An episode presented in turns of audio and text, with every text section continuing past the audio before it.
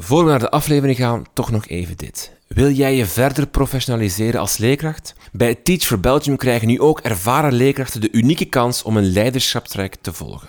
Wil jij mee het verschil maken voor leerlingen in een diverse grootstedelijke context? Wil je blijven leren over effectief klassenmanagement, verbindend communiceren en een feedbackcultuur en zodoende nog sterker voor de klas staan?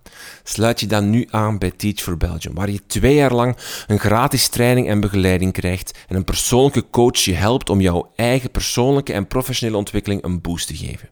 Op deze manier word je een nog effectievere leerkracht. Meer info vind je op de website www.teachforbelgium.be.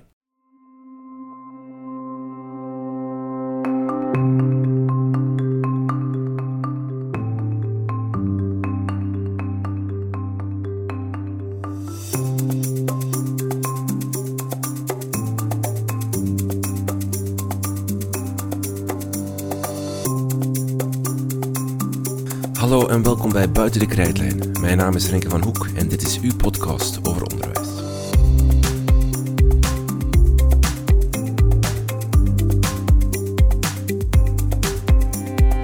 In het verleden maakten we al verschillende afleveringen over klasmanagement. Maar toch voelen we dat we er nog niet over uitgepraat zijn. Want onderzoek toont aan dat Vlaanderen eigenlijk moeite heeft met klasmanagement.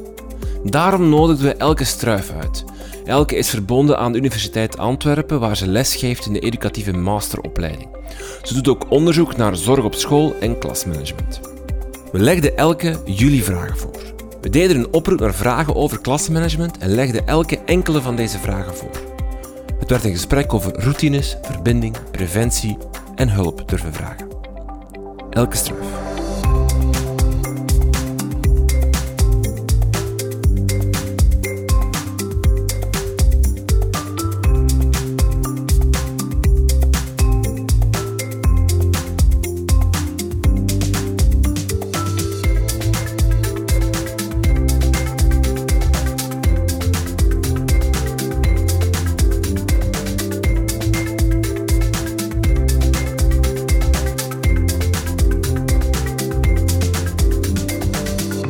Dag Elke Struif, welkom in de podcast.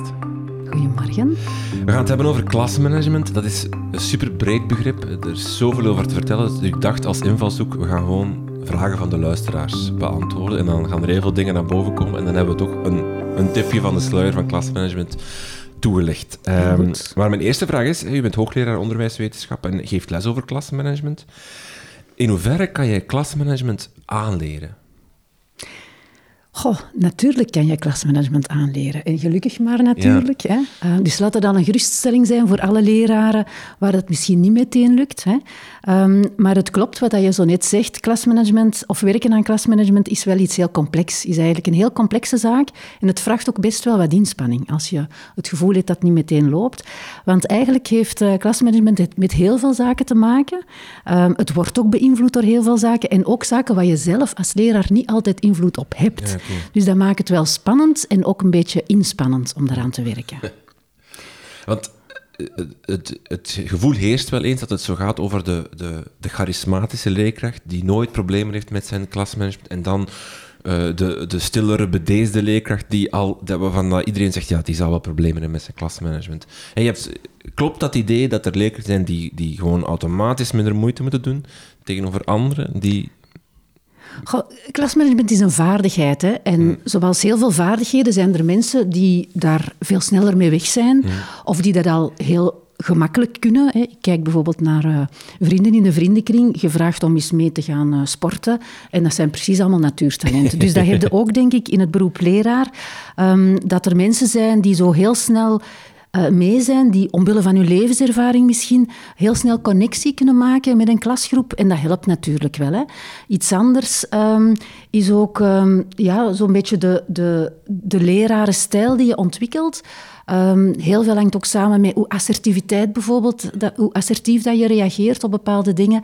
En dat heeft dan te maken ook met lichaamshouding, maar ook met stemgebruik, eh, met, met, met gelaat zelfs. Hè. Als je iets zegt en je zegt dat met een luide stem en, en heel direct, dan heeft dat best wel wat indruk op leerlingen. Als je daar een beetje als een, als een sidderend blaadje staat, of je zegt iets en je wordt onmiddellijk rood, en daar kan je niet altijd aan doen natuurlijk als leraar. Hè. Maar ja, dat zegt ook wel iets over... over um, misschien hoe je in de klas staat en dat, dat geeft een bepaalde indruk aan leerlingen. En, en dat maakt het misschien soms ook wel wat moeilijker. Maar dus ik heb wel het gevoel dat er leraren zijn, en je ziet dat ook bij onze studenten, die daar heel snel mee weg zijn. En die, die inderdaad van nature uit zo direct op de juiste dingen inzetten. Maar nogmaals, hè, en dan wil ik even verwijzen naar, uh, naar de boeken die wij hebben geschreven. Hè. Uh, ikzelf samen met uh, collega Gilbert Verbeek en Anne Lenoir van de Karel de Grote Hogeschool. In die boeken... Um, behandelen we eigenlijk heel veel kaders. Een beetje theoretische kaders, want ze zijn ook op onderzoek gebaseerd. Maar het zijn wel kaders die je kunnen helpen om heel kritisch naar je klasmanagement te kijken. En er is bijvoorbeeld, naast het theorieboek, heb ik ook een oefeningenboek. Uh, dat bestaat uit heel veel fiches waar uh, leerkrachten en waar wij dus ook met onze studenten mee aan de slag gaan.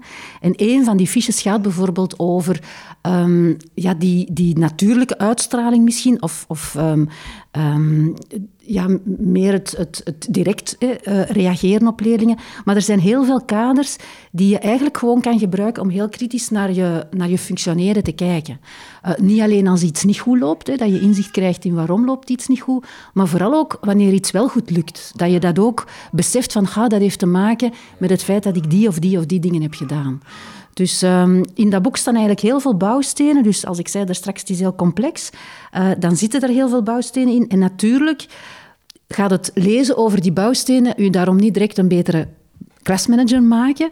Um, want ja, het, het, zal nog moeten gebeuren in real life natuurlijk ook. Hè. En dus uh, het vraagt wel degelijk oefening, maar door die reflectie, vind ik, ga je wel veel bewuster omgaan met een aantal zaken. Dus uh, in dat opzicht, als je niet direct het gevoel hebt van ik heb dat charisma of ik heb het meteen, nogmaals, hè, wat ik er straks zei, je kan het echt wel leren. En uh, ja, je, je kan je klasmanagementvaardigheden echt wel verbeteren. Daar ben ik van overtuigd. Hoe belangrijk is klasmanagement? Oh, heel belangrijk. Um, ik denk dat dat ook een, een, ja, een, een, iets is dat je vaak in de, in de literatuur leest en dat je ook hoort.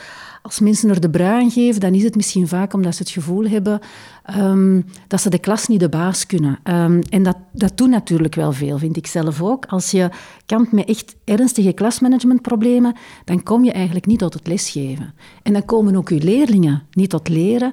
En ja, dat is toch wel de essentie, denk ik, van onderwijs. Dus uh, ik denk dat je dan, als het niet lukt, um, zeker als je je lessen echt wel goed hebt voorbereid en, en je wil er echt wel iets leuk van maken met die leerlingen, en het lukt dan niet om in de praktijk dat te realiseren, dan denk ik dat dat altijd leidt tot frustratie en tot onmacht. Um, dus het raakt je wel. Het raakt je ook als, als, niet alleen als leraar, maar ook als persoon, denk ik. Um, want de houden, ik denk dat dat ook wel veel, uh, zeker beginnende leraren, bezighoudt met um, ja, hoe kom ik eigenlijk over bij die leerlingen. En ja, wat vinden ze van mij? En als je dan je les hebt voorbereid en je ziet tijdens die les dat die leerlingen gewoon heel taakgericht bezig zijn. En dat wil zeggen, ze zijn bezig met de die en die een aanbiedt. Ze zijn aan het opletten, ze zijn naar jou aan het luisteren als je een uitleg geeft. Of ze zijn dingen aan het noteren. Dat toont die betrokkenheid bij je les.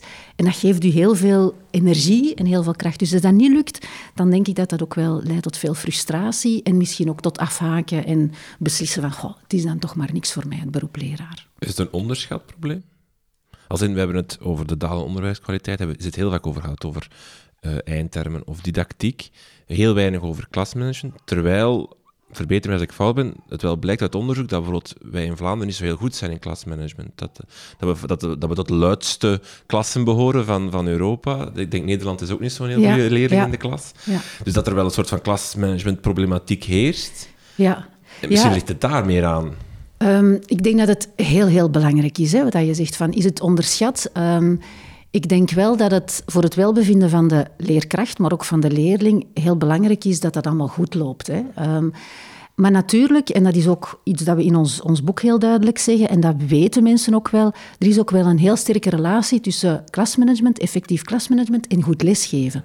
Dus als dat tweede ook heel goed zit, dan ga je automatisch die betrokkenheid, of die leerlingen triggeren, die betrokkenheid bij die leerlingen um, hebben. En dan gaan ze denk ik ook minder, allee, dan ga je minder uitgedaagd worden op dat vlak. Of, of minder... Ze gaan hand in hand didactiek en Ze gaan heel sterk hand in hand. Ja, ja. Als je activerend aan het lesgeven bent, als je motiverende insteken neemt, als je um, aansluit bij die leefwereld van die leerling, ja, dan als je opdrachten bedenkt die op uw niveau zijn. Hè. Eh, als je sterk inzet op dat differentiëren, dat je de sterke leerlingen uitdaagt en de leerlingen die wat meer tekst en uitleg nodig hebben, hebben dat je daar ook aan tegemoet komt, ja, dan, dan denk ik dat je automatisch iets minder uh, klasmanagementproblemen hebt. Dat klopt wel. U heeft er al twee boeken over geschreven, een, een, een theoretisch boek en een oefenboek. Er komt ook een derde boek.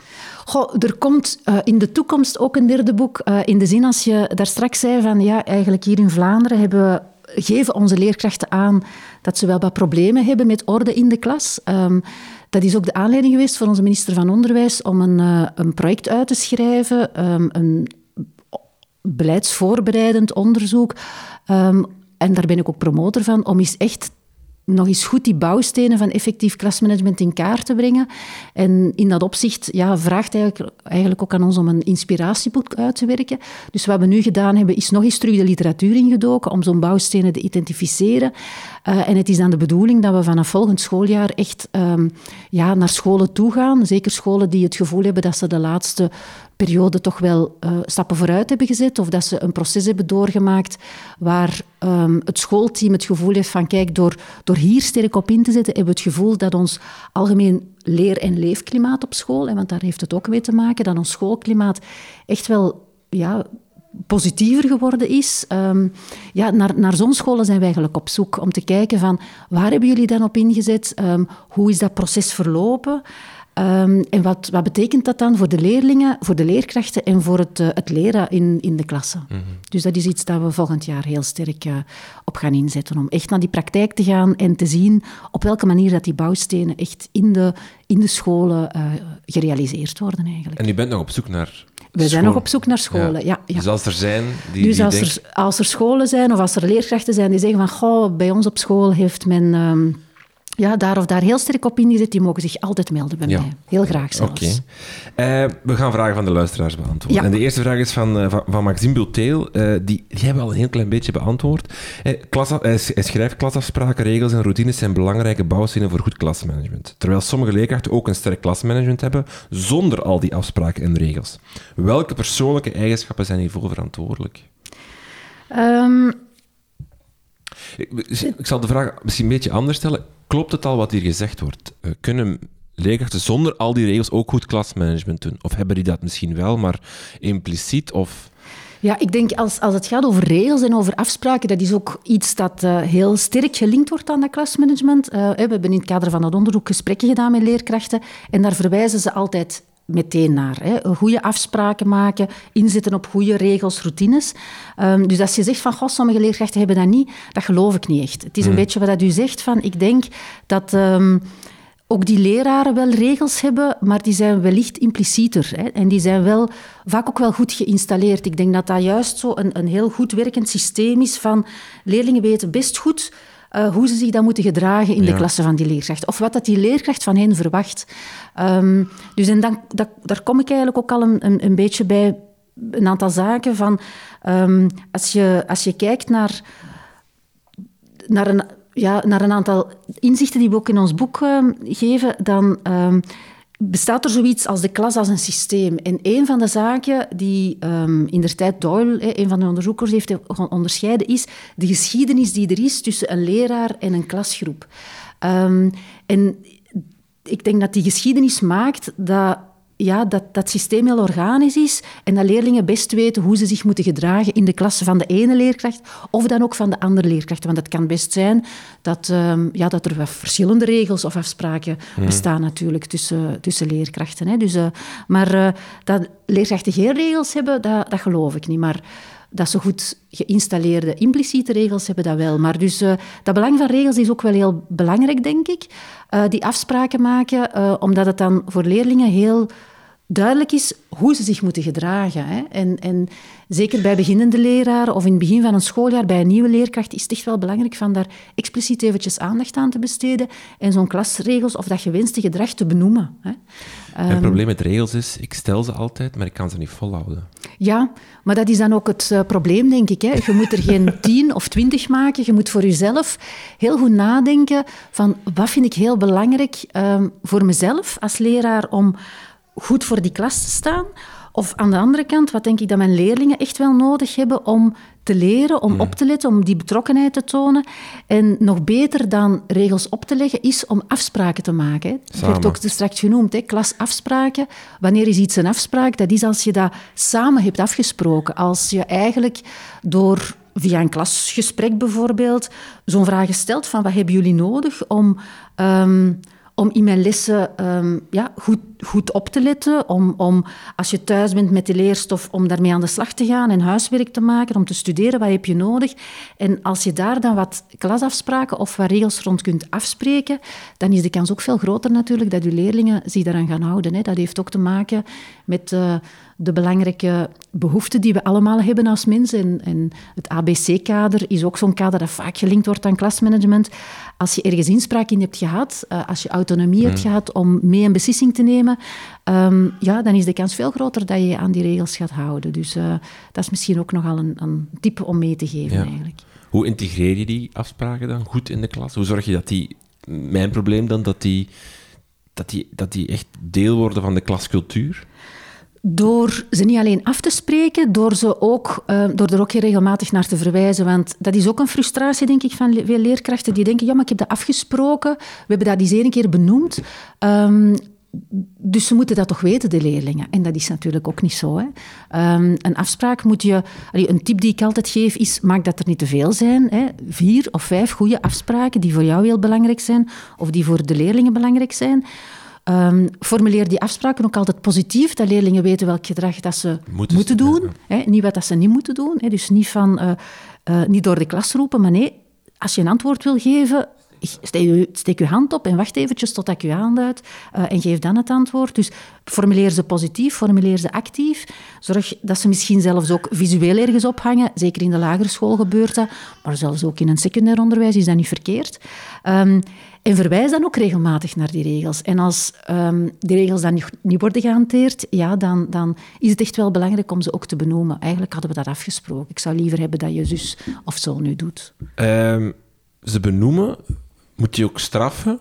Als, stel, je hebt afgesproken, je hebt altijd je boek mee, bijvoorbeeld. Hè? Dat is een afspraak die je maakt. Zeer belangrijk voor het leren, want dat is echt wel cruciaal. Ja, hè? Bedoel, uh, maar ik heb dan het probleem, als er dan zo'n leerling zijn boek niet bij heeft, dan denk ik, ga ik hier nu een nota of weet ik veel wat voor chef, jongens. Die is gewoon zijn boek vergeten, dat is een vergeetdacht. Allee, dat is, ja, overkomt mij ook wel eens. Ja, ik... Ik Tegelijkertijd ondermijn ik dan, heb ik altijd het gevoel, de regel. Want, want je voelt dan dat er een soort van gelaten... Oh ja, hij, hij maakt er geen spel van. Ja, ja. En dat is denk ik ook iets dat je, dat je goed moet, um, moet afspreken met je leerlingen. In de zin dat uh, je merkt dat ook, hè, een beetje dat spanningsveld tussen regels maken en die dan heel uh, consequent opvolgen of regels op maat maken. Hè. Het, het, voorbeeld dat ook vaak gegeven wordt is ja, die leerling die omwille van een thuisproblematiek soms zijn geriefjes vergeet, um, die heel veel andere dingen soms aan zijn hoofd heeft. Dan kan je de vraag stellen ja, als dat regelmatig zelfs gebeurt dat een leerling zijn, werk, zijn grief niet bij heeft of zijn werk niet gemaakt heeft, moet je dan altijd straffen? Ik ben daar eigenlijk niet zo'n voorstander van.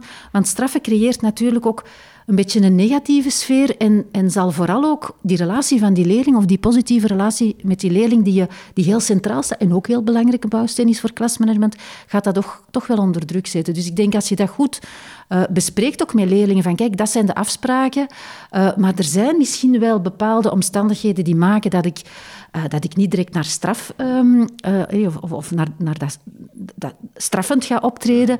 Ja, ik denk dat je dat ook kan bespreken. Wat dat wel belangrijk is, vind ik ook, dat is dat je samen met die leerling inderdaad wel afspreekt van wat zijn dan de consequenties als je bepaalde dingen niet doet. Hè?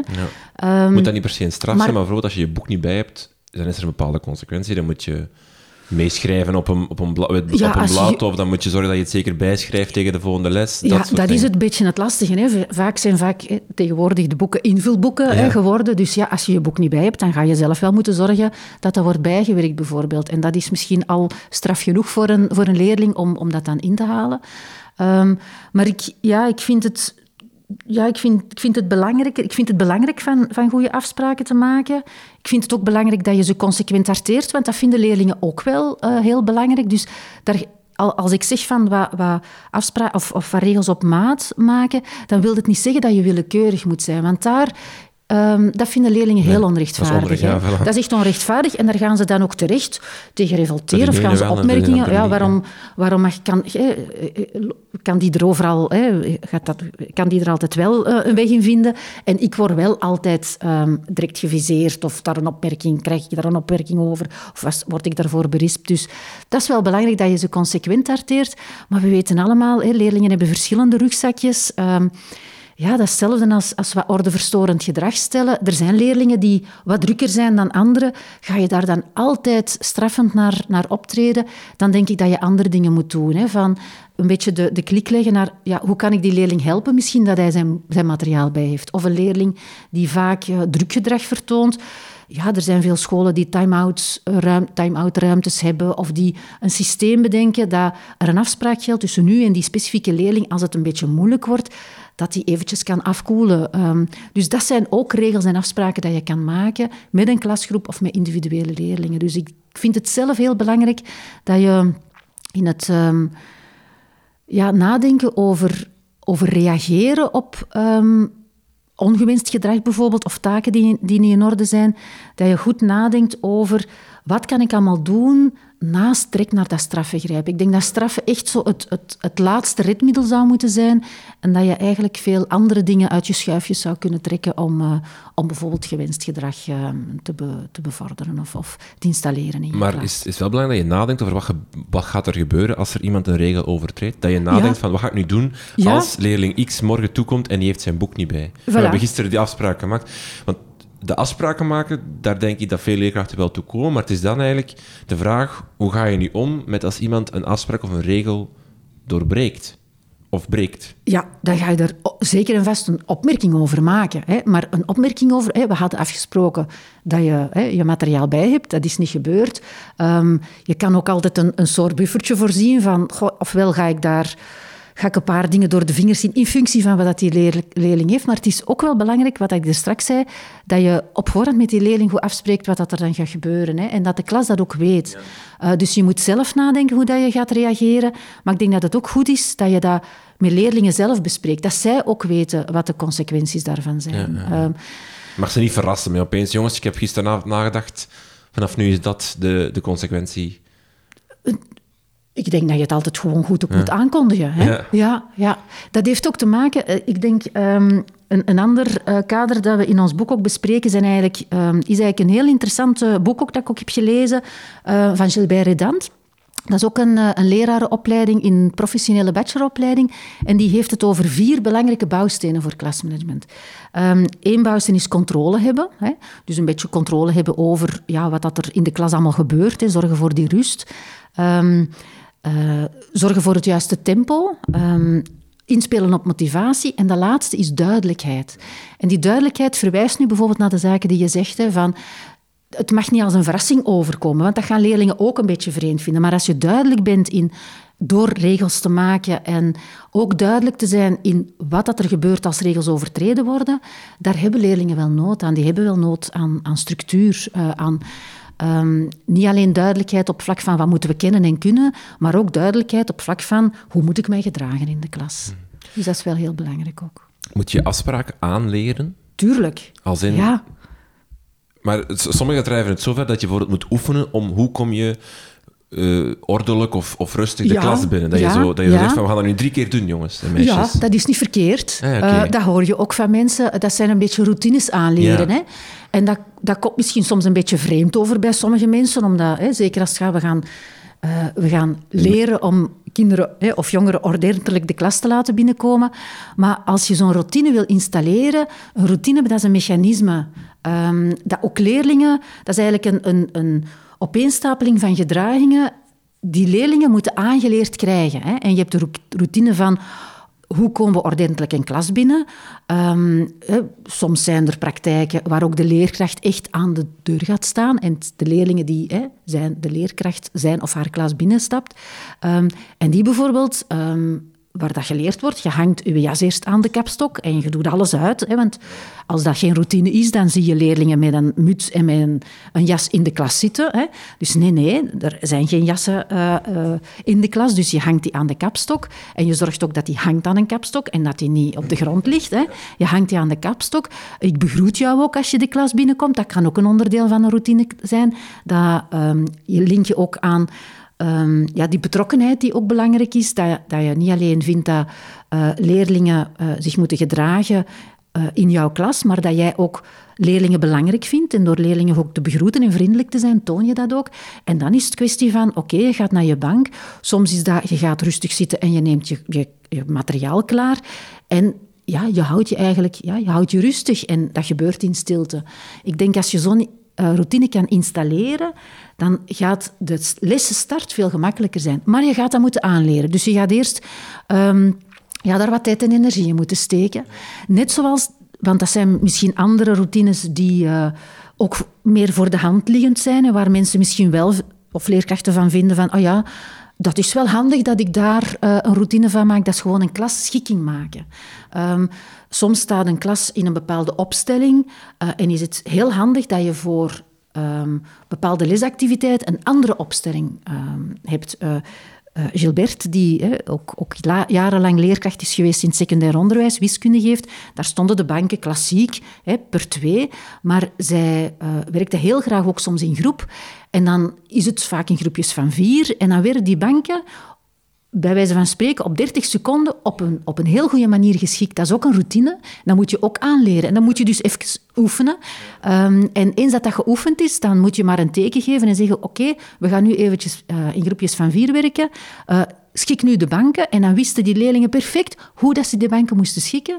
En dan ja, heb je op die manier veel minder tijdverlies. Ook een van de bouwstenen van Redant. Zorgen voor het juiste tempo, maar ook zorgen dat je geen tijd verliest. Hè. Kostbare lestijd verliest. En door zo'n routines ga je, ga je dat wel in de hand werken. En ga je wel het gevoel hebben dat, dat is ook een onderdeel van dat klasmanagement. Hè. Als je een andere werkvorm um, hanteert in een les en je wil snel een bank, de banken herschikken en dat duurt vijf of tien minuten, hè, want dat gaat ook gepaard met rechtstaan, met wat geroezemoes, met leerlingen terug stil krijgen. Dus als dat een routine wordt, dan ga je daar heel veel tijd mee winnen. Oké. Marlies die heeft een vraag. Voor mij als starter lijkt het alsof ik alles in één keer meteen goed moet doen. Ik weet dat ik vlieguren moet maken, maar hoe voorkom ik dat ik vlieg als een kip zonder kop? Is er een volgorde? Welke tips heb je dus voor starters? Het is voor starters inderdaad veel. Hè? Zo... Het, is, het is heel veel. Um, ze moeten heel veel balletjes tegelijkertijd in de lucht houden. Hè. Um, hopelijk kennen ze de leerstof al goed, maar dat is vandaag de dag ook al niet altijd het geval.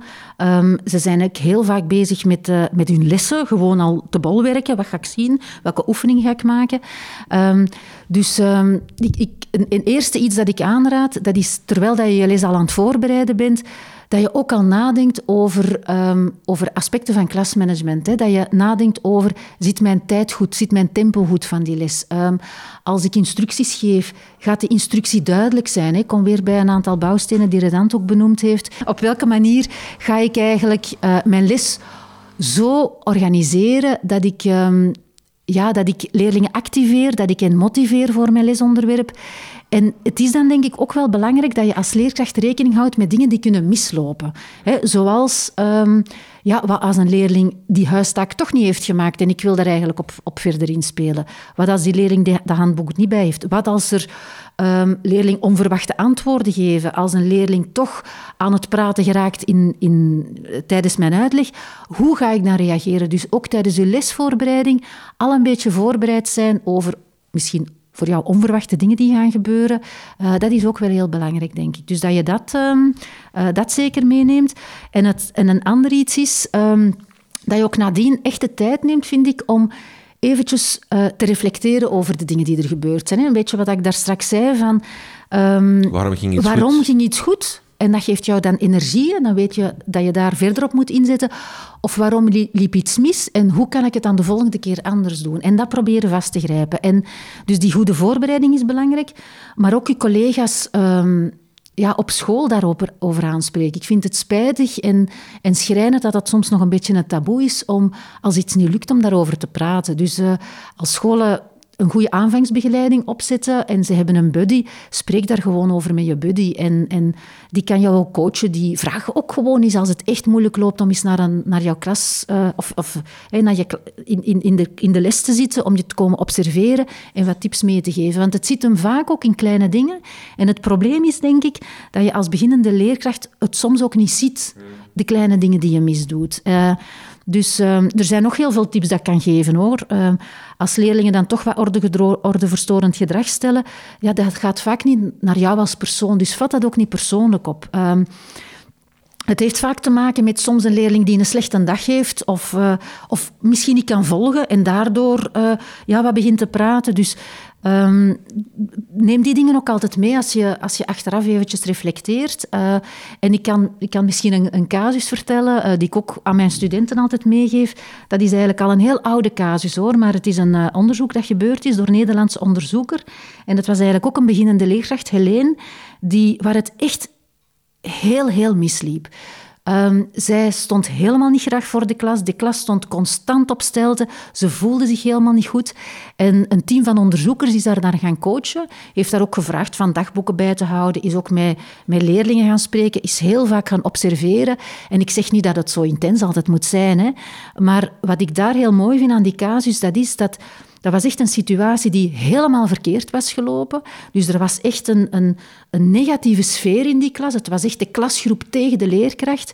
En eigenlijk is die negatieve sfeer ook helemaal omgebogen door heel doelbewust te gaan inzetten op motiverende um, lesvormen, op uh, de band die die leerkracht had met die leerlingen, want daar hebben we het nog niet zo heel sterk over gehad, maar die, die goede band die je opbouwt met je klas met individuele leerkrachten, maar ook ja, met, met de klas als geheel.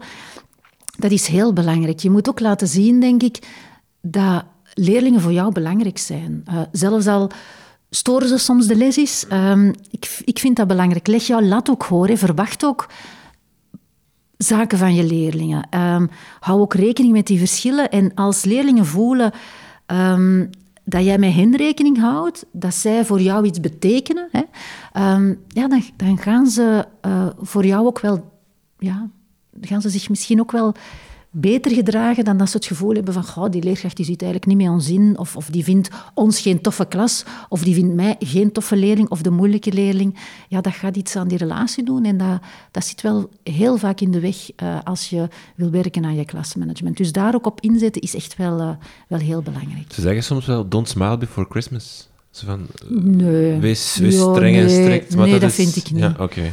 Smile de eerste dag. Ja, ja. Ja, de kookhoor is als starter, doe het niet alleen. Ja, doe het zeker niet alleen. Ja, zoek hulp. Vraag, zoek hulp, vraag je hulpbronnen, zoek je hulpbronnen. Wat, wat die casus eigenlijk aantoont, van, het is allemaal gedraaid, maar het is omdat er mensen komen observeren, komen helpen, komen tips geven. Ja, omdat Blijf je, niet alleen voor die klas staan. Of ja, zo, ja. ja. Goh, dingen die soms ook helpen, maar, maar dat is natuurlijk al lastig. Hè. En dat is interessant om dat te doen, bijvoorbeeld als je nog in opleiding bent, dan kan je dan een draai geven. Maar jezelf eens opnemen hè, en eens zelf naar je, naar, naar, kijken naar hoe dat je ja, functioneert als leerkracht in de klas. Dat zijn echt eye-openers. Dat is ongelooflijk wat, je dan, uh, wat je dan soms vaststelt. Maar dat is ook heel moeilijk. Dus dat is soms lastiger. Ook, um, ook als je een collega vraagt om in de klas te zitten dat kan ook een lastige zijn natuurlijk. Hè. Dus ik denk dat je dat ook openlijk moet bespreken uh, naar leerlingen toe. Ik, ik vind het ook niet verkeerd om te zeggen dat het je dag af en toe is, is, niet is. En dat je nog lerende bent. Uh, maar, maar toon ook het feit dat je, ja, dat je nog wil inzetten voor die, voor die klasgroep. Dat vind ik echt wel, uh, wel heel belangrijk. Dat verbindend communiceren en inzetten op die, die verbondenheid. Want falen zal het wel een keer doen. Hè. Het zal niet altijd... Allee, dat is nee. bij mij ook nog altijd dat het soms mislukt. Hoe ga je daarmee om? Wat doe je, hoe kom je, wat doe je na een les dat je buiten komt en zegt, manneke, dit is echt helemaal Ja, dan, dan, mag, dan mag je echt vloeken. Hè. Dan mag je iets zeggen van... Oh, verdekken, wat was dat hier? Wat is er ja. hier nu gebeurd? Uh, en, en dan mag je ook wel eens... Um, dan mag je ook wel eens boos zijn, vind ik. Maar niet, je mag nooit boos zijn in die klas. Maar je mag wel eens boos zijn van... Allez, of boos zijn in de zin van... Goh, hoe is dat nu kunnen gebeuren? Of, of, of soms merk je ook wel dat je, dat je in een soort escalatie verzeild geraakt zonder dat je het wil. Um, maar praat er vooral over. Blijf daar zeker niet bij zitten. Uit die frustraties maar eens. Want hè, wat dat ik er straks zei, ja, dat, dat voelt wel aan een beetje als falen. Hè, van, god, het is niet gelukt. Um, het gaat precies niet zo goed, maar praat erover en staat dan gewoon terug recht. En, en net zoals je vindt dat uh, je soms leerlingen tweede kansen moet geven, ben ik er ook van overtuigd dat ook jouw klasgroep, als het moeilijk is, um, ja, jou ook nog wel een tweede kans wil geven. Maar wees daar ook authentiek en, en durf dat eventueel ook wel benoemen.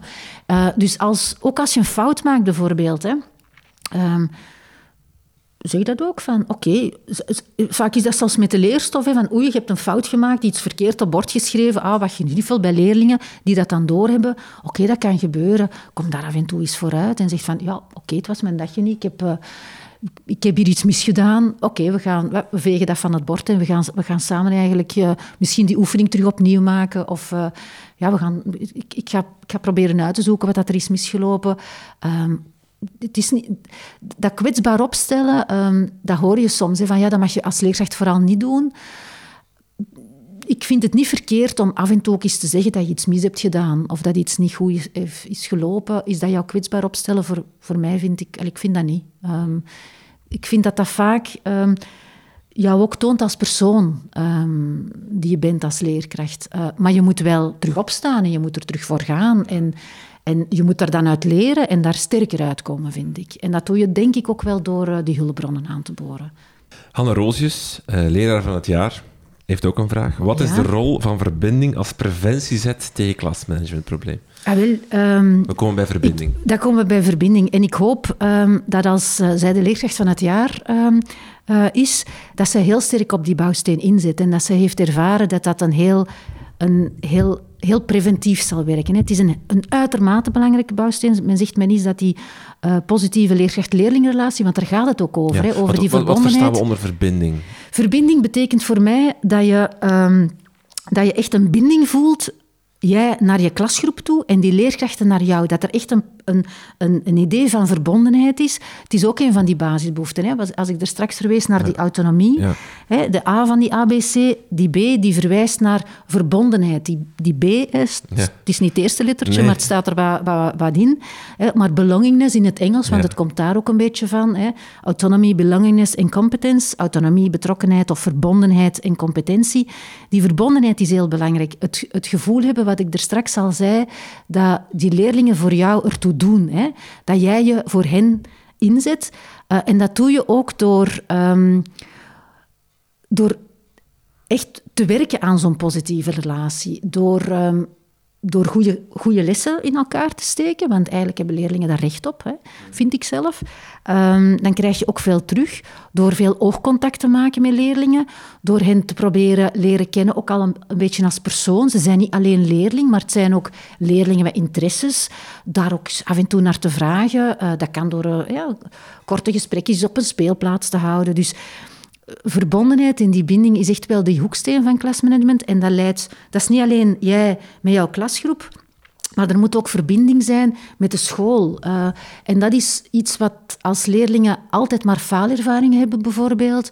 Um, ja, dan, dan gaan ze het instituut school niet meer appreciëren. Dat is ook logisch, hè? Als je altijd tegen grenzen aanloopt, als je het gevoel hebt dat je opgegeven bent door een team van leerkrachten, ja, je kan toch niks, ja, dan, dan, dan ga je ook die verbondenheid niet meer voelen met die school. Dan ga je helemaal je best niet doen. En dan gaat de school ja, de plaats zijn waar je ja, tegen benen schopt van mensen, waar je de boel op stelte zet, waar je echt ernstig grensoverschrijdend gedrag vertoont. Dus ja, wat dat uh, Hanne zegt, dat is echt waar. Uh, um, inzetten op die verbinding werkt heel, heel preventief.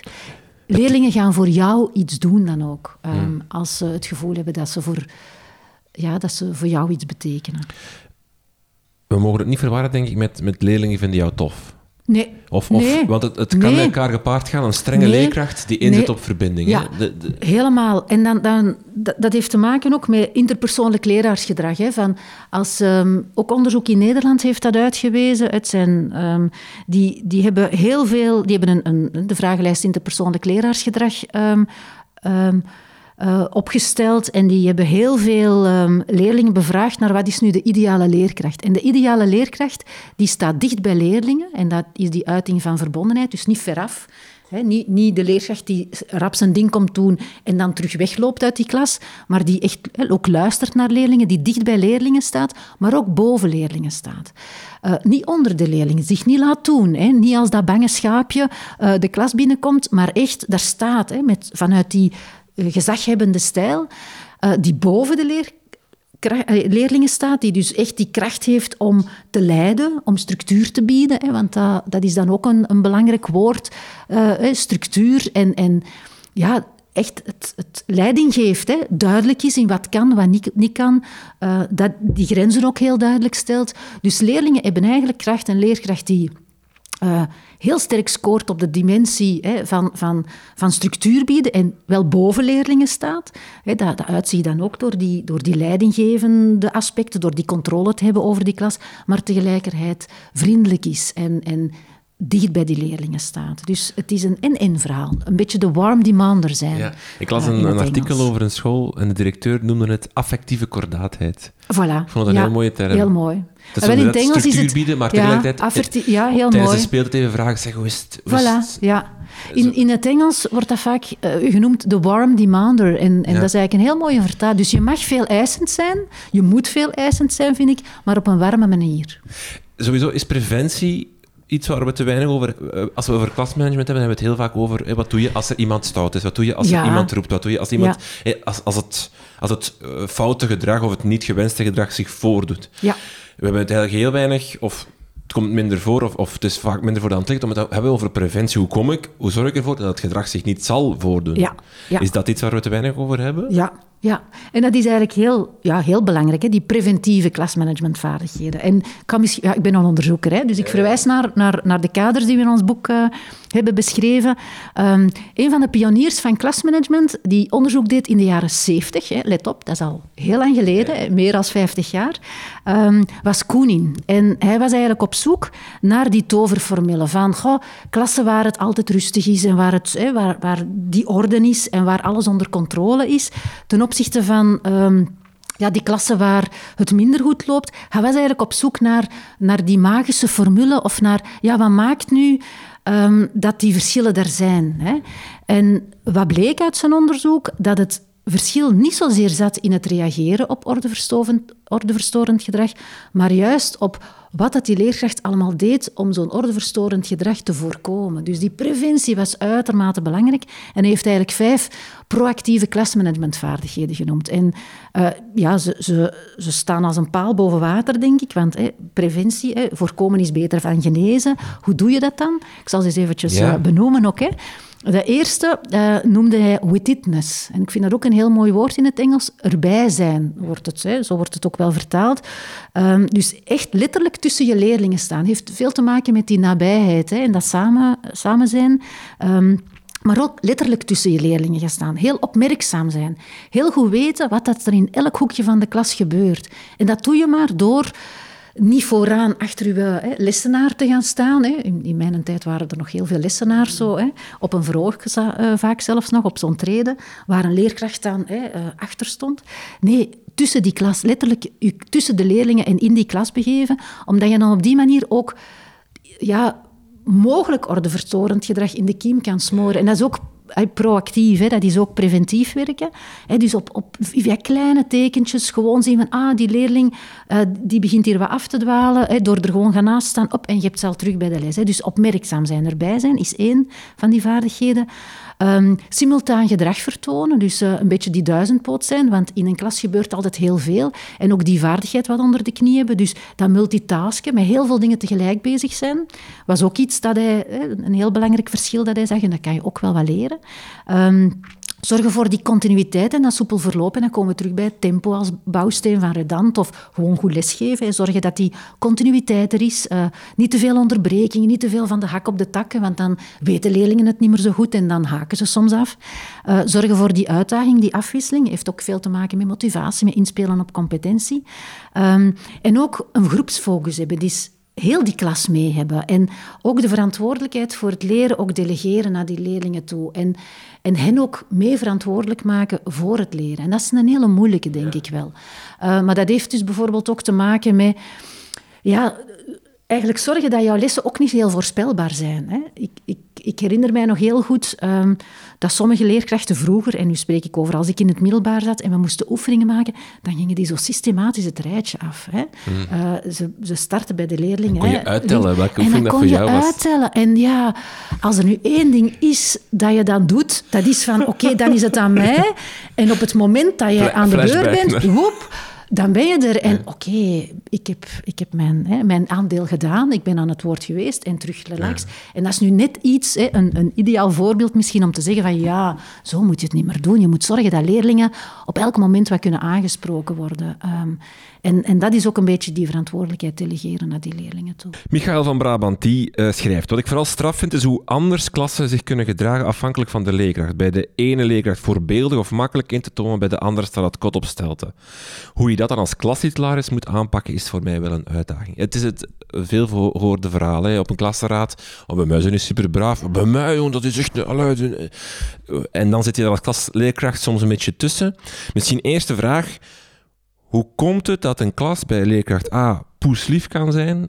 En het zijn natuurlijk uiterste wat, wat, wat zelden zal voorkomen. En bij de andere het kot op stel te zetten. Ja. Goh, ik denk dat het te maken heeft met heel veel dingen die we daar net al benoemd hebben. Hè. Uh, het heeft te maken met die relatie met die leerkracht. Het heeft te maken met uh, hoe dat die leerkracht zijn lessen misschien geeft. Uh, met die bouwstenen waar dat hij op inzet. is het wel duidelijk welk gedrag dat mag gesteld worden of niet? Want... Um, ja, wat ik er straks ook zei, de geschiedenis tussen leerkrachten, ja, leerlingen weten dat ook. Hè. Dat kunnen we bij de die wel doen. En het, is, um, het is iets dat we kennen. Hè. En, en als, als wij onze, onze studenten op stage laten gaan, um, dan is dat ook een van de opdrachten die ze meteen meekrijgen. En dat is ook wel een, een sterke eye-opener. Ze moeten ook een klas volgen. Hè. Um, als terug hè, bij ons, uh, dat zijn dan hè, vaak masterstudenten natuurlijk, die uh, al eventjes uh, geleden de schoolbanken hebben verlaten. Maar ze gaan dan, hè, wij leiden op voor de hogere graden van het secundair onderwijs, ze gaan dan eens terug um, die naar, uh, gaan observeren in klassen. En we vragen heel expliciet aan hen om twee dagen zo'n volledige klas te volgen. En wat dat je daar zegt, hè, en wat dat we zelf ook noemen, dat is voor hen ook een eye-opener. Zo van, hè, een ene leerkracht die soms zegt van, ja, mijn klas is, is wel een lastige klas, hè, moeilijke klas, moeilijke leerlingen. Ja, en dan blijkt dat effectief zo te zijn. Terwijl, hè, gelijk dat je zegt, inderdaad, bij een andere klas loopt, allee, bij een andere uh, leerkracht loopt dat allemaal wel uh, heel vlotjes. En als ze zo een hele dag in klas moeten volgen, dan zijn er twee dingen die hè, echt een eye-opener zijn. De eerste is inderdaad van, amai, dat is vermoeiend, zo'n hele dag les volgen.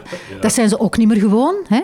Uh, zo van, dat was best pittig, om ook nog die laat, dat laatste lesuur er nog helemaal bij te zijn. En inderdaad, zo ongelooflijk anders dat die leerkrachten dan zich kunnen gedragen. En dat heeft allemaal te maken met ook um, ja, die, die, dat interactieve. Hè? Want het, wat zeggen leerkrachten dan vaak? Van, ah, die leerlingen zijn niet gemotiveerd voor mijn vak of voor, mijn, voor mij. Maar motivatie is ook iets dat bepaald wordt door de context. Hè? En de leerkracht is daar een belangrijke factor in. Dus ja, dat klopt. Um, dus het heeft te maken met, met, al die, met heel veel zaken die daarnet benoemd zijn. Uh, dus het is dan verkeerd om te zeggen dat het bij de leerlingen ligt. Het ligt niet aan die klas, het ligt aan iets anders. En jij als leerkracht hebt daar ook een rol in. Dus als je dat aanvoelt, dan denk ik, en als dat wordt gezegd, dan is het ook wel heel vervelend, vind ik, uh, als jij aangeeft op een klasraad, bij mij loopt het moeilijk, en andere leerkrachten zeggen dan, hè, bij mij geen probleem, en de kous is af. Dat is verkeerd natuurlijk. Want dat soort vaak ook wel dan, dan krijg je geen moed. Dat, ah, tussen leerkrachten, omdat dan, ja, bij u mogen ze alles. Ja. En bij mij, ja. ik ben wat strenger. Of, ook, in hoeverre is dat verschil in stijl dus leerkrachten, dus bijvoorbeeld strengheid of, of regels en routines, is dat eigenlijk een probleem? Is dat iets, moet je een soort van toch um, gelijkvormigheid nastreven als, als uh, leerkrachtenteam? Dat nastreven is, uh, is nooit verkeerd. Hè? En, en ik denk dat dat belangrijk is voor... Um, essentiële zaken dat je die gelijkvormigheid nastreeft. En het is ook gemakkelijk. Hè. Als er bijvoorbeeld bepaalde regels of routines zijn, ja. hè, een beetje als ik er straks verwees, schoolverbonden, hoe kom je de klas binnen? Als alle leerkrachten dat op die manier doen, dan leren de leerlingen dat aan, bij wijze van spreken, in hun eerste jaar. En dan gaat dat hun zes jaar mee. Heel gemakkelijk, hè? Moet je dat dan niet meer aanleren. Handen opsteken is eigenlijk zoiets, Is ook zoiets, ja. Iedereen doet dat. Ja. Eigenlijk is Ja. dat een routine of een gewoonte. die- Als, als dat een afspraak wordt, ja, dan, dan, dan ja, surf je daar mee op. Hè. Dus dat is heel, heel handig. Hè. Gaan we allemaal ehm copy-pastes van elkaar worden? Ook niet. Gaan er nooit geen verschillen zijn? Natuurlijk gaan er verschillen zijn. We zijn ook andere personen. We vinden ook andere dingen belangrijk. En dat kan je ook niet uit de weg helpen. Ik heb ook een heel leuke oefening ehm, die ik altijd met de studenten doe rond wat vind jij eigenlijk onaanvaardbaar gedrag? Dat is al een eerste iets. Hè. Wat vind jij gedrag waar je op zou reageren of wat zou je negeren? En dat gaat over heel veel kleine dingen. Hè. Een kauwgom eten, ehm, wiebelen op een stoel, hè, zo op twee poten wiebelen. Ehm, een propje in een vuilbak gooien of eh, babbelen met een andere leerling. En dan merk je ook als je dat doet, hè, voor sommige dingen zijn er dingen onaanvaardbaar voor iedereen. Hè. Is op een muur schrijven, dat is vandalisme. Nee, daar, dat, dat tolereren we niet. Dat tolereren we ook niet als school. Maar er zijn heel veel gedragingen waar je dan ziet dat er verschillen zijn. Wat dat voor de ene leerkracht wel kan, kan voor de andere leerkracht absoluut niet. Is dat een probleem? Nee. Als die leerling weet... Dat zijn de regels, allee, dat zijn individuele regels bij die leerkracht. Als je dat dan ook benoemt en bespreekt. Maar nogmaals, het is veel handiger, ook voor leerlingen naar duidelijkheid toe en ook voor leerkrachten als bepaalde dingen worden afgesproken. Maar kunnen we, kunnen we alles hetzelfde doen? Nee, dat moet ook niet. Wat dat je niet mag doen, is ook elkaars gezag ondermijnen of zeggen van, ja, die leerkracht vindt dat dan wel... Of, of, of ja, dat wordt dan soms ook gezegd hè, van, ja, eh, dat je het zelf niet eens bent met een bepaalde regel die een andere leerkracht oplet, oplegt en dat je daar iets over zegt naar een klasgroep. Dat is een beetje elkaars gezag ondermijnen. Dat, dat mag je natuurlijk niet doen. Hè. Maar dan, zeg je best gewoon van... Dat is een regel die bij meneer of mevrouw X Tuurlijk. geldt. Dat, Ja. is, eh, dat is in haar klas of in zijn klas. Bij Ja. mij geldt die regel. Dus Voilà. doen het, allee, dat, Ja. dat, er is een Ja. verschil, dat is niet erg. Nee. Beide zijn goed. Zoiets, ja. In plaats van dat je zegt van... Domme regel. Allee. Ja, ja, voilà. Dat mag je zeker niet zeggen. Eh, Helene die vraagt zich af hoe kan je als leerkracht duidelijk je grenzen aangeven. Ehm, bij haar op school geven leerkrachten vaak aan dat leerlingen gewoon negeren of gewoon rustig verdoen. Of dat ze op een onbeleefde manier antwoord, eh, we- eh, weerwoord bieden. Ze zetten heel hard in op preventie bij hen op school. Maar ze, ze, ze ziet dat leerkrachten moeilijk vinden om eigenlijk ja, die grenzen aan te geven als ze worden uitgedaagd of als ze erover gaan. Nu sowieso, het, het gaat misschien een beetje verder ook op wat we daarnet zetten. Leerkracht, je hebt als leerkracht een bepaalde grens die je voor jezelf stelt en waar je niet wilt dat overgegaan wordt. Hè? Ja. Hoe, want dan spreken we bijna over een soort van ja, grensoverschrijdend gedrag. Ja. En dan spreken we over bepaalde dingen die gewoon voor jou echt niet kunnen, die voor jou echt te ver gaan, die inbreken op, jou, op jouw zijn of zo. Hè? Dus Ja. hoe, hoe ga je daarmee om? Ja, ik, ik denk dat wat dat we er juist zeiden, dat het ehm, voor sommige heel ernstige vormen van grensoverschrijdend gedrag, dat het ook belangrijk is eh, dat je er als schoolteam over nadenkt hè, en dat je daar consequent ehm, rond handelt. Hè, dat, je, en dat staat dan ook vaak in een schoolreglement, iets dat echt niet kan. maar het gaat bijvoorbeeld ook over, over eh, openlijk pesten van leerlingen. Dat tolereren wij niet en daar moet je, denk ik, als school, als schoolteam heel duidelijk in zijn. En die grens ook stellen en heel duidelijk zeggen wanneer dat een grens is overschreden. Dan helpt het ook als op voorhand leerlingen weten wat dat er gaat- gebeuren als je die grens overschrijdt. Dus wat eh, wat is de is. consequentie en waar dat die grens ligt. Hè. Ehm, als het dan echt gaat over, over zaken in jouw klas, hè, want als ik daar straks zei, er zijn soms verschillen. Ja, als je echt zegt van hoe dat bijvoorbeeld een leerling jou aanspreekt als, eh, als, als, als leerkracht, ehm, gedrag dat die stelt, ook, ook ehm, boos worden of, of beginnen schelden in een, in een klas. Als je echt zegt, dat kan niet, dan is het heel belangrijk dat je dat tenminste benoemt hè, als leerkracht. En hè, dat je daar heel duidelijk in bent. Dat is ook weer, ik, ik verwijs weer al terug hè, naar een van die, ja. van die bouwstenen, maar het, die duidelijkheid ziet- stelt zich dan voortdurend van, was die regel duidelijk? En als die regel duidelijk was en die wordt overschreden, dat je dat ook benoemt. Hier ben je te ver gegaan. En dat je dat ook aangeeft. Dit tolereer ik niet. Dat mag je ook zeggen. Hè. Je mag ook heel heel directief reageren. Stop, dit wil ik niet. Hè. Eh, zo gaan we niet met elkaar om. Moet je, en dat is soms de moeilijkheid, moet je daar dan... Dus het is heel belangrijk dat je dat benoemt, dat je dat aangeeft. Ehm, moet je daar dan op dat moment in de les heel veel aandacht verder aan besteden? Misschien niet. Hè. Je kan ook duidelijk maken aan een, leerling, hier ehm, ja, ga je te ver. Ehm, dit wil ik niet, hè, dit tolereer ik niet, eh, maar ik wil daar straks met jou een gesprek over hebben. Dus dat vind ik ook heel belangrijk, dat je als er dingen gebeuren, dat je kordaat reageert, stopgedrag hanteert, bij wijze van spreken, eh, dingen benoemt, kort en onmiddellijk. Uh, heel kordaat, je mag ook niet boos worden, maar je kan wel heel streng en met een heel duidelijke uitdrukking aangeven dat hier een grens is overschreden um, en dat je daarop terugkomt. Hè. Want de, dus de consequentie moet niet per se direct komen, omdat eh, als je de consequentie direct laat komen, dan spreekt ook emotie, dan spreekt ook impulsiviteit, dan ga je misschien ook ja dingen zeggen of doen, of, of te streng, of, of, of het net onderbelicht. Ja. dat je zegt van, niet meer doen, hè. En dan... Ja. Dan, En dan denk je, ja, achteraf, ja, eigenlijk was dat echt wel er ver over. Ik had er, er moet eigenlijk meer mee gedaan worden. Maar ja, het moment is... Als, je, als je zo onverwacht geconfronteerd wordt dan vaak met, met zoiets, dan geven we dat ook wel vaak als tip mee. Van, parkeer dat eventjes. Zo, um, Benoem het en zegt, we komen hier nog op terug. Hè, stop. Maar geef jezelf ook tijd om even na te denken, wat ga ik hier nu mee doen? Hè? En dat doe je door heel duidelijk te zeggen van, ik, ik laat het hier niet bij, ik kom hierop terug. We gaan hier straks, hè, na de les, uh, ga ik, allee, wil ik dat je nog eventjes nablijft, bijvoorbeeld, als dat kan. En anders is dat tijdens een middagpauze. Maar waarom is het ook belangrijk om dat te benoemen? Uh, een van als ik het er straks had over die geschiedenis, hè, dat is een van, van die kenmerken van de klas die Doyle heeft benoemd, een ander onderzoeker. Um, openbaarheid is zo ook iets. En dus vandaar dat het heel belangrijk is, ook voor de andere leerlingen van de klas, om duidelijk die grens ook te benoemen. Hier ben je een grens overgaan. Want als je dat niet doet, um, of dat zelfs ook niet benoemt, of, of, of je gaat, hè, want dat is soms ook een grijze zone. Hè. Soms verleg je ook een beetje je grenzen. Hè. Tolereer je dat? Um, dan, dan het feit dat, dat alles wat in de klas gebeurt openbaar is. Hè. Als jij in conflict ligt met een leerling, dan zien de andere leerlingen dat ook. Um, dus vanuit die openbaarheid gaan andere leerlingen daar ook hun mening over vormen. Hè.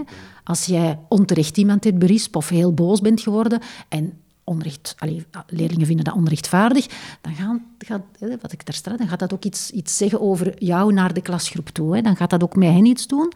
Um, dus het, het, het blijft denk ik belangrijk om als, als dingen niet goed lopen, als gedrag wordt gesteld dat je niet wenst, om dat ook te benoemen. Dus niet altijd als er duidelijke grenzen overtreden wordt, ook bij kleine zaken, is het echt wel belangrijk om, dat, om snel aan te geven dat je niet gediend bent met bepaald gedrag. Want wat is het probleem als je het pratende leerlingen, ja, twee leerlingen beginnen praten, drie leerlingen, en dat is een, een, een vuurtje hè, dat zich verspreidt. Dus als je niet reageert, um, ja, dan, dan, dan gaat omwille van de openbaarheid vaak bepaald gedrag overgenomen worden door andere leerlingen. Dat is ook het sociale leren. Ah, er wordt, ah, dat mag precies, ah, ik ga dat ook doen. Um, dus dat is wel belangrijk. Van, Benoem zeker die grenzen. Uh, Karen die heeft een probleem als startende leraar met vooral leerlingen die je uitdagen. Ze zei tegen een leerling, je mag niet drinken in de studie. En voor uh, haar neus doet, doet hij toch het rietje in zijn sapje en zegt met een grote glimlach, het is nu toch al open, ik moet het nu toch niet laten staan. Uh, en hij, zal, hij heeft dan uitgedronken. Ja. Hoe, reageer je daar best ja. op? Ook moeilijk, hè? Ik, ik zou, of moeilijk, dat zijn de dingen die gebeuren. Uh, als ik zo geconfronteerd zou worden met een leerling die iets doet waarvan hij eigenlijk weet dat het niet mag, hè, want daar ga ik een beetje van uit. Het zal een, een afspraak zijn mhm. of een regel op school. Er wordt niet gedronken in de studie. Dan zou ik die leerling daar ook op aanspreken. Hè. Nicky, je weet dat je niet mag drinken in de studie. Ik zal uw stapje, uw stapje bewaren tot het einde van de studie en vergeet, niet dat hè, vergeet het dan zeker niet te vragen, want het ziet er wel een heel lekker uit. Dus het zou zonde zijn dat je het straks vergeet. Je, je je benoemt ook weer, of je verwijst naar een regel. Je zegt ook heel duidelijk dat, het, dat die leerling dan die regel overtreedt. En hier in dit geval ja, zou ik gewoon dat stapje even verwijderen en, en zeggen, vraag het straks terug. Um, bij sommige leerlingen zal dat helpen, bij andere leerlingen zal er misschien er weer een reactie op komen. Dus ook hier, als leerlingen grensoverschrijdend gedrag vertonen of, of, of ongewenst gedrag, um, ook hier denk ik dat je dan dat stopgedrag moet hanteren. Dat je uh, als het echt een regel is die wordt overtreden, dat je die regel benoemt. Uh, maar soms gebeuren er dingen zonder dat het echt een regel is. Dan is het ook niet verkeerd om uh, dat stopgedrag te hanteren, dat eigenlijk ook een aantal kenmerken heeft. Hè. Je reageert onmiddellijk als je iets ziet. dat moet kort zijn, dat mag niet te lang duren. Um, dat moet ook een leermoment zijn, dus dat moet ook een duurzaam effect hebben. En dat mag niet te veel tijd kosten. Hè. En dat moet ja, kordaat en, en, en consequent zijn. Um, vaak als je zo'n stopgedrag hanteert, bij heel veel leerlingen werkt dat ook wel. Van, oh ja, ik heb iets gedaan dat eigenlijk niet mag. Oké, ik ben, aan eh, ik ben niet aan het opletten in de klas en ik ben een, iets aan, het tekenen uh, in, in, in mijn schrift. Ik stoor niet echt anderen, maar ik ben niet aan het opletten. De leerkracht heeft dat gezien. Maak daar een kleine opmerking over. Of ga gewoon naast leerlingen staan. Dat zijn ook vormen van stopgedrag. Je hebt ook uh, non-verbale vormen van stopgedrag. Maar om nog eventjes terug te komen dan op de concrete uitdagende gedrag dat Karen stelt. Wel, het probleem is hier dat de leerling niet luistert. Hè. De, Karen stelt wel, het zegt van, stop met dat, je mag niet drinken, stop ermee. Maar die leerling denkt, ja, ik doe gewoon voort. En dat, dat, is voor mij de moeilijkheid, want dat maakt ook wel mee dat, dat bijvoorbeeld zegt van stop met babbelen en dat ze dat eigenlijk niet doen. Dat je ja, en dan is het een beetje de vraag van, wat heb je in je mandje aan stopgedrag liggen? Want wat ik zou gedaan hebben, is van, kom, dat je zegt van, je mag niet drinken, die doet toch daar iets op. Dat je zegt, geef dat aan mij. Ik bewaar het voor jou tot na de studie. Hè. Dan doe je al iets anders. Je verwijdert eigenlijk een beetje op dat moment uh, de verleiding van die leerling om daar toch te zitten drinken. Um, iets anders vind ik ook wel, en dat heeft vaak ook te maken met, met regels die er zijn op school. Welke regels zijn er op school? Want um, in gesprekken met leerkrachten hoor ik soms ook van ja, dat, dat ze het gevoel hebben van, is het, is het een probleem als leerlingen drinken in de studie? Hè? Als het heel warm is, dan mogen ze misschien soms een, wel een flesje water meenemen. Um, gedrag op de speelplaats, daar kun je soms ook van afvragen van, ja, waar, waar maken we regels rond? Omdat als je heel veel regels hebt waar mensen een gevoel van hebben van, goh, vinden we die echt wel belangrijk, belangrijk dan moet je soms ook leerlingen in, in vraag stellen. Maar als leerlingen reageren door niet te luisteren, dan is het kwestie van, je kan ook een leerling berispen. Hè. Je, kan, je kan ook zeggen, van, of je kan ook heel duidelijk, want dat, dat noemen wij dan eigenlijk directief reageren. Hè. Een leerling luistert niet, hou gewoon vol en herhaal je boodschap nog eens. De afspraak is dat er niet wordt gedronken in de studie. Dus geef jouw, blikje uh, nu aan mij soms moet je ook wel op je strepen blijven staan. En het is ook niet verkeerd om uh, directief te reageren. Dat is in, in, de vorm van, van gebod en verbod. Stop daarmee, zwijg. Hè, als leerlingen blijven babbelen, hè, ze luisteren niet altijd. Als je vraagt van, wil je alsjeblieft stoppen met zwijgen? Dan stel je een vraag aan een leerling en dan zou die dat nog kunnen beantwoorden als, ah, wil je stoppen nu eigenlijk niet, want we hebben eigenlijk een heel leuk gesprekje. Dus het gaat er ook over van, hoe reageer je en directieve boodschappen ja, je, je verbiedt het, stop nu met zwijgen. Of je geeft een keuze, en dat hangt ook samen met autonomie. Of je stopt nu met zwijgen, of je stopt nu met praten en je zwijgt, of je komt zelfs hier vooraan zitten. En dat is ook dan een vorm van, van straf. Je haalt leerlingen dan uit elkaar. Uh, maar ook daar altijd voorzichtig zijn met, uh, met niet te snel naar die, naar die straffen gaan. Want ja, ik, ik, ik ben nogal een voorstander van, uh, van, van ja, inzetten op die positieve relatie. En als leerlingen praten, hè, ik ga nog een voorbeeld geven. Hè, van als dat een lastige leerling is of een moeilijke leerling in jouw ogen, dan ga je vaak berispend reageren. Hè. Oh, je bent weer aan het praten. Hè. Weer die lastige leerling die nooit oplet. Terwijl als een ander leerling aan het praten is, die anders zich altijd voorbeeldig gedraagt, dan ga je je misschien op betrappen dat je helemaal anders gaat reageren naar die leerling toe. Oei, die is aan het praten, van, ah, die is aan het praten met, zijn, hè, met de leerling daarnaast.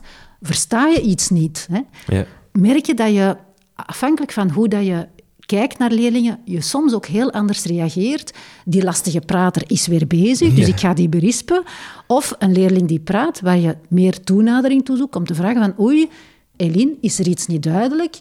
versta je iets niet en kan ik je helpen? En dus daaraan zie je ook dat in je interactie met leerlingen, dat je vaak ook reageert vanuit bepaalde beelden die je hebt van je leerling. En ook daar zou ik dan aanraden, als je echt het gevoel hebt van...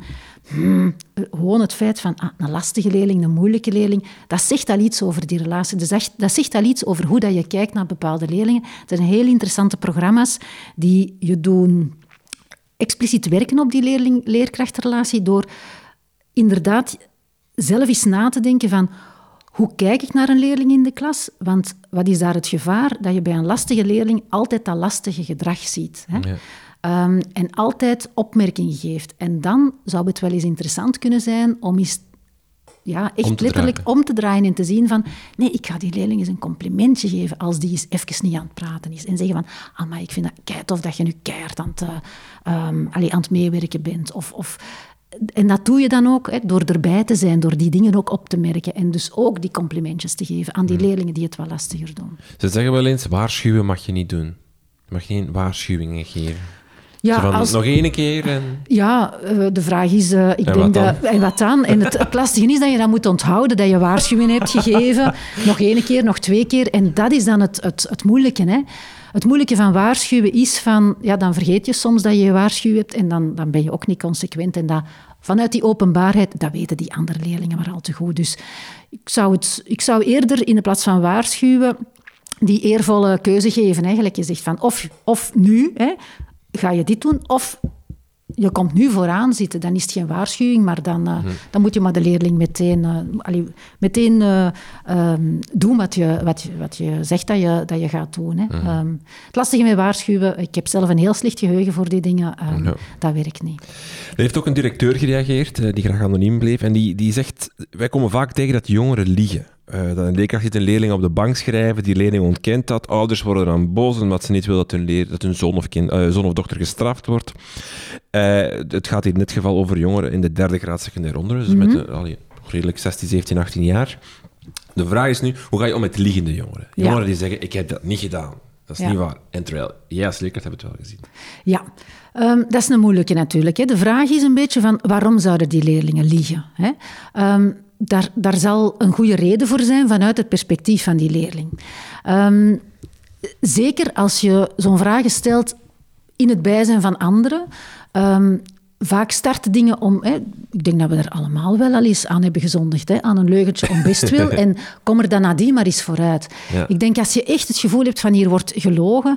dan denk ik dat je echt een één-op-één gesprek met leerlingen moet hebben. En...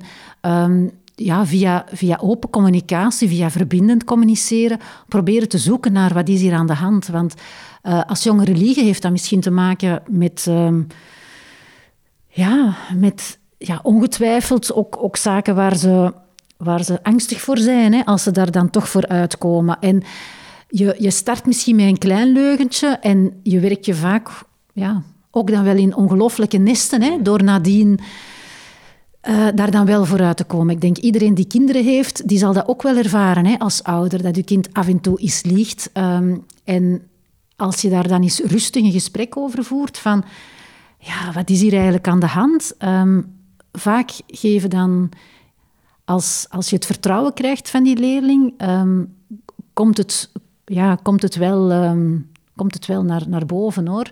Um, ik denk dat als je als school bijvoorbeeld heel sterk inzet op uh, herstelgericht werken, um, waar uh, je het gevoel geeft aan jongeren van ja, het is belangrijk dat als je iets hebt gedaan, dat je ervoor uitkomt, maar we gaan dan samen ook zoeken naar uh, op welke manier kunnen we wat dat je dan gedaan hebt herstellen en hoe kunnen we jou dan ook helpen daarbij. Dat geeft dan misschien op dat moment ook wel veel geruststelling aan die leerling. Die gaat altijd liegen om een bepaalde reden. En als je dat dan kan achterhalen, um, een bepaalde angst om misschien ja, heel streng ook gestraft te worden door uh, ouders thuis of, of van school gestuurd te worden. En het is misschien niet de eerste keer.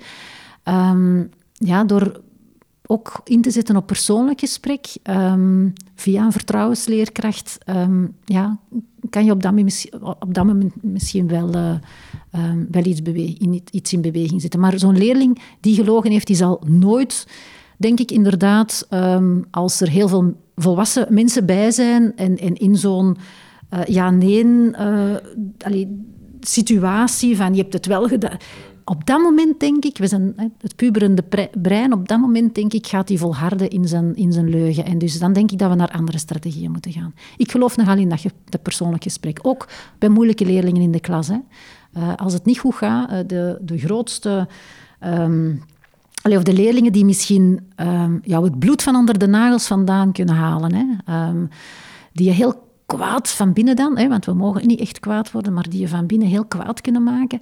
Als je die apart neemt en je praat ermee, ja, dan, um, dan zijn die vaak toch wel een beetje anders dan hoe dat ze zich gedragen in een klasgroep. En dat heeft ook allemaal te maken soms met peer pressure en zulke zaken. Dus uh, vergeet af en toe geen uh, persoonlijk gesprekje te voeren op een moment waar dat je op een moment wanneer dat jij er ook klaar voor bent. Uh, kort na de feiten ook altijd, hè, maar, uh, maar daar geloof ik toch wel sterk in. Vind ik altijd de, de kracht van herstel, of herstel wordt altijd zo heel moeilijk gemaakt, heb ik het gevoel soms. Terwijl het soms ook gewoon gaat over achteraf benoemen van dit is er gebeurd En volgende les gaan we dat vergeten. Allee, of, of, Ja. dus eigenlijk gewoon, gewoon al, je moet niemand zijn excuses aanbieden of je moet niet toegeven dat je fout had. Zover moet herstel niet... Dat kan, maar niet altijd Ja. gaan, heb ik het gevoel.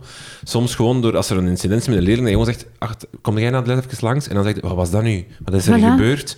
Oké, volgende les, terug. En dan, huppa. Ja. Niemand heeft zich moeten excuseren. Die leerling heeft niets niet moeten zeggen van, sorry, jij hebt dat Nee, niet moeten klopt. doen. En, en toch is die, die, die, die spanning tussen jullie is dan wel weg. Ja.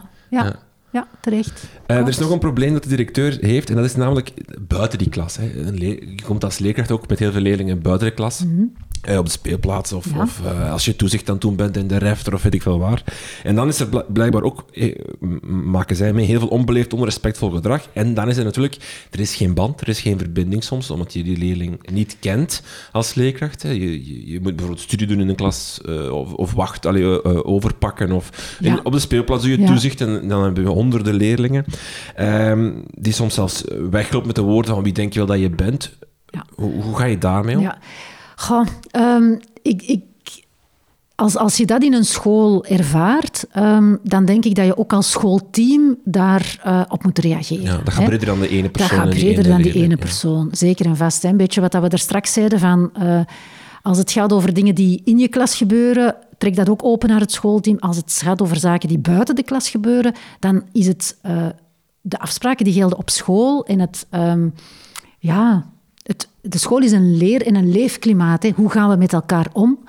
Onderling tussen leerlingen of tussen leerlingen en leerkrachten is daar een heel belangrijk, belangrijk element van. En daar afspraken rond maken van... Wij willen hier een school zijn waar ehm, veel kan gezegd worden, maar altijd op een beleefde manier. Ehm, ja, daar moet je dan ook aan werken. En dan moet je ook wel, denk ik, als schoolteam duidelijk maken van wat het dat dan betekent voor leerlingen. Hè? Hoe toon je dat dan? Wat betekent dat beleefd zijn aan elkaar? Ehm, want daar heb je misschien ook wel verschillende ideeën rond. Eh, natuurlijk, als iemand echt hè, zo, zo reageert, gelijk dat u er juist hebt gezegd, ik denk dat we dat allemaal wel interpreteren als eh, onbeleefd zijn. Maar we moeten niet vergeten dat vandaag de dag soms onze leerlingen opgroeien in een moeilijke thuissituatie waar dat ehm, ja, elkaar misschien zo aanspreken of de onderlinge omgang wel zo is. Van, eh, ja, ehm, dat is niet goed te praten, maar hè, we hebben ook een, een, vaak, vaak als scholen gelegen zijn in een, in een grootstad, een soort straatcultuur. Hè, we horen dat ook, bendes die ri- rivaliserend eh, naar elkaar toe zijn. We zijn niet allemaal heel lief voor elkaar, ook niet in de maatschappij natuurlijk. Hè. Dus ik denk dat de school net een plek is, en dan komen we terug op zaken die we er straks hebben gezet, gezegd, eh, waar we ook wel moeten opvoeden sowieso. En waar er heel veel geleerd wordt of moet worden van hoe gaan we om met elkaar. Dus daarover als team afspraken maken. Als team nadenken van wat betekent dat. Ehm, als je dan ook geconfronteerd wordt met zoiets van, van hoe gaan we dan reageren? Of wat kan op dat moment die leerkracht doen? Ehm, en hoe gaan we daar dan als team op reageren naar een leerling toe? Als zo'n leerling reageert, dan moet die leerling daarop aangesproken worden. Eh, misschien niet meteen door die ene leerkracht die dan zo onbeleefd is aangesproken, maar wel door het schoolteam, door een directeur, door iemand van een cel leerlingenbegeleiding. Ehm, om dan opnieuw eh, te verwijzen naar afspraken, te kijken naar ja, op, op welke manier eh, gaan we dit dan ook herstellen. Want in dat opzicht is er dan ook een beetje een, een breuk tussen die leerling en die leerkracht. En misschien dat er daar dan wel een excuus ehm, eh, kan zijn. Gewoon ehm, één op één naar die leerkracht toe. Hè. Ehm, misschien heeft ook die leerkracht op een bepaalde manier gereageerd dat die leerling eh, zich ongemakkelijk voelde. Want die reactie, hè, dat, dat is ook iets dat we niet mogen vergeten. Ehm, hè, als ik er straks zei, actie-reactie, vaak wordt, ehm, wordt gedrag bij leerlingen ook getriggerd of uitgelokt op een of andere manier. We doen dat misschien niet doelbewust of soms, soms zonder dat we het beseffen. Ehm, maar vaak is gedrag van leerlingen ook een reactie op iets dat er gebeurt. Misschien was die leerling ook wel al gefrustreerd geweest of eh, lag die in ruzie met iemand. En gebeuren ook sommige zaken. Hè. De- in, het, in het boek wordt ook verwezen naar het puberende brein. Ja, pubers zeggen soms dingen, doen soms dingen zonder nadenken. Ja, ehm, dat is een gegeven. Moeten we daar dan altijd direct op zitten met een heel schoolteam? Ja, dat, dat gebeurt. Hè. Ehm, pubers flappen er soms dingen uit die, waar ze achteraf ook spijt van hebben. En als dat dan gebeurt, dan zeggen ze, ja, ik had dat niet moeten doen. Of ja, ik, heb, ik heb ook een beetje te snel gereageerd, uh, maar dat lag daar en daaraan. Dan, uh, dan kan je op die manier ook wel wat plooien terug glad strijken en uh, kan je ook wel samen terug door de deur gaan. Hè. En, en nogmaals, hè, ik, door in te zetten dan op dat persoonlijk gesprek, door die leerling ook te leren kennen, door ook oor te hebben voor zijn of haar kant van het verhaal, maakt ook wel dat leerlingen het gevoel hebben van oké, ik beteken iets voor die leerkrachten hier. Oké, ik heb iets misgedaan, mijn gedrag was mis, want dat is ook belangrijk. Ik heb hier iets verkeerd gedaan, maar als persoon ben ik niet mis. Hè. Als persoon uh, tel ik nog wel. Wat kan je als directeur doen rond klasmanagement? Hoe kan je, want het lijkt vaak dat klasmanagement iets is van leerkrachten, waar leerkrachten mee moeten omgaan en moeten hebben en vaardigheden om, om moeten hebben. Maar kan je als directeur een rol spelen? Heel veel. Als het gaat over um, wat we er straks zeiden, het belang van preventie dan denk ik dat inzetten in zo'n positief schoolklimaat, dat is iets van de school. Um, en daar kan je als directeur op aansturen. Ik denk als er problemen zijn met klasmanagement of gewoon met um, moeilijkheden op school, dan, dan kan, je heel, kan je samen met je team gaan nadenken van um, waar zou dat probleem kunnen liggen en, en daar professionalisering rond opzetten. Um, we hebben niet altijd direct de antwoorden uh, in onze schuif misschien klaar liggen. Dus als schoolteam worden we, en niet alleen als individuele leerkrachten, maar wat dat die directeur zegt heel terecht, als schoolteam komt er wel wat af op een school. Um, dus daar als team dan jezelf rond professionaliseren, bijvoorbeeld rond herstelgericht werken of verbindend werken, daar zijn heel veel methodieken voor. Um, daar aandacht aan besteden, via intervisie is bij elkaar gaan kijken om dat nog te versterken, ja, dat kan je als school en als directeur heel sterk op aansturen. Ook heel je professionaliseringsbeleid. Um, wat dat we bijvoorbeeld ook wel merken, dat is uh, vaak hangt, hangen, hè, want dat is misschien een beetje verkeerd het woord, hè, klasmanagementproblemen. Dat is zo precies hè, wat dat je zegt van die leerkracht in zijn klas. Maar nee, dat start eigenlijk al ook op die andere momenten in die school. En als je dan merkt dat er soms um, spanningen zijn of dat er uh, verschillen zijn die ook te maken hebben met uh, andere culturen, andere gewoontes. Um, dat benoemen, bespreekbaar maken binnen een schoolteam. Um, daarover uzelf rond professionaliseren van hoe kunnen we meer responsief uh, reageren naar leerlingen toe die misschien, ja, wiens rugzakje anders gevuld is, omwille van op een andere manier grootgebracht met andere waarden en normen. Hoe, kan je, um, hoe kunnen wij onszelf als schoolteam ons daarin versterken? Ja, dat is bij uitstek, denk ik, iets waar je als uh, beleidsteam in een school um, het verschil kan maken. Hm. Inzetten op routines ook? Op die gelijkvormigheid? Ja, ja, ja ja, die, die duidelijke grenzen hè, aangeven. Dus ik, ik vrees een beetje, als, we, als u daar straks helemaal in het begin zei van klasmanagement is een onderschat probleem, dan denk ik dat daar ook een heel groot pijnpunt is dat klasmanagement vaak nog gezien wordt als het probleem van de individuele leerkracht. En ik denk dat we daar echt vanaf moeten. Het is een... Uh, een taak van de school. Het is een verantwoordelijkheid van de school en niet van een individuele leerkracht. Niet van de starter, maar zelfs ook niet van, uh, ja, van misschien de leerkracht die al wel wat ervaring heeft en die ook geconfronteerd wordt misschien met die ene moeilijke klasgroep waar die moeilijker uh, aansluiting bij vindt. Um, ja, hoe gaan we daar als schoolteam mee omgaan? Hoe gaan we ook het welbevinden van onze leerkrachten koesteren? Um, daar kan je als directeur heel sterk op inzetten, ben ik van overtuigd. Oké, Elke Struif, heel veel dank voor het gesprek. Graag gedaan.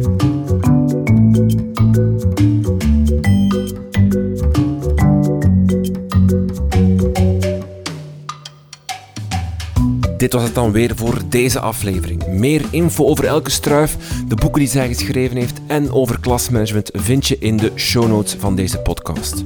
Wil je op de hoogte blijven van onze plannen en nieuwe afleveringen? Volg ons dan op Instagram of Twitter of check onze website www.dekrijtlijnen.be. Dank voor het luisteren en tot de volgende.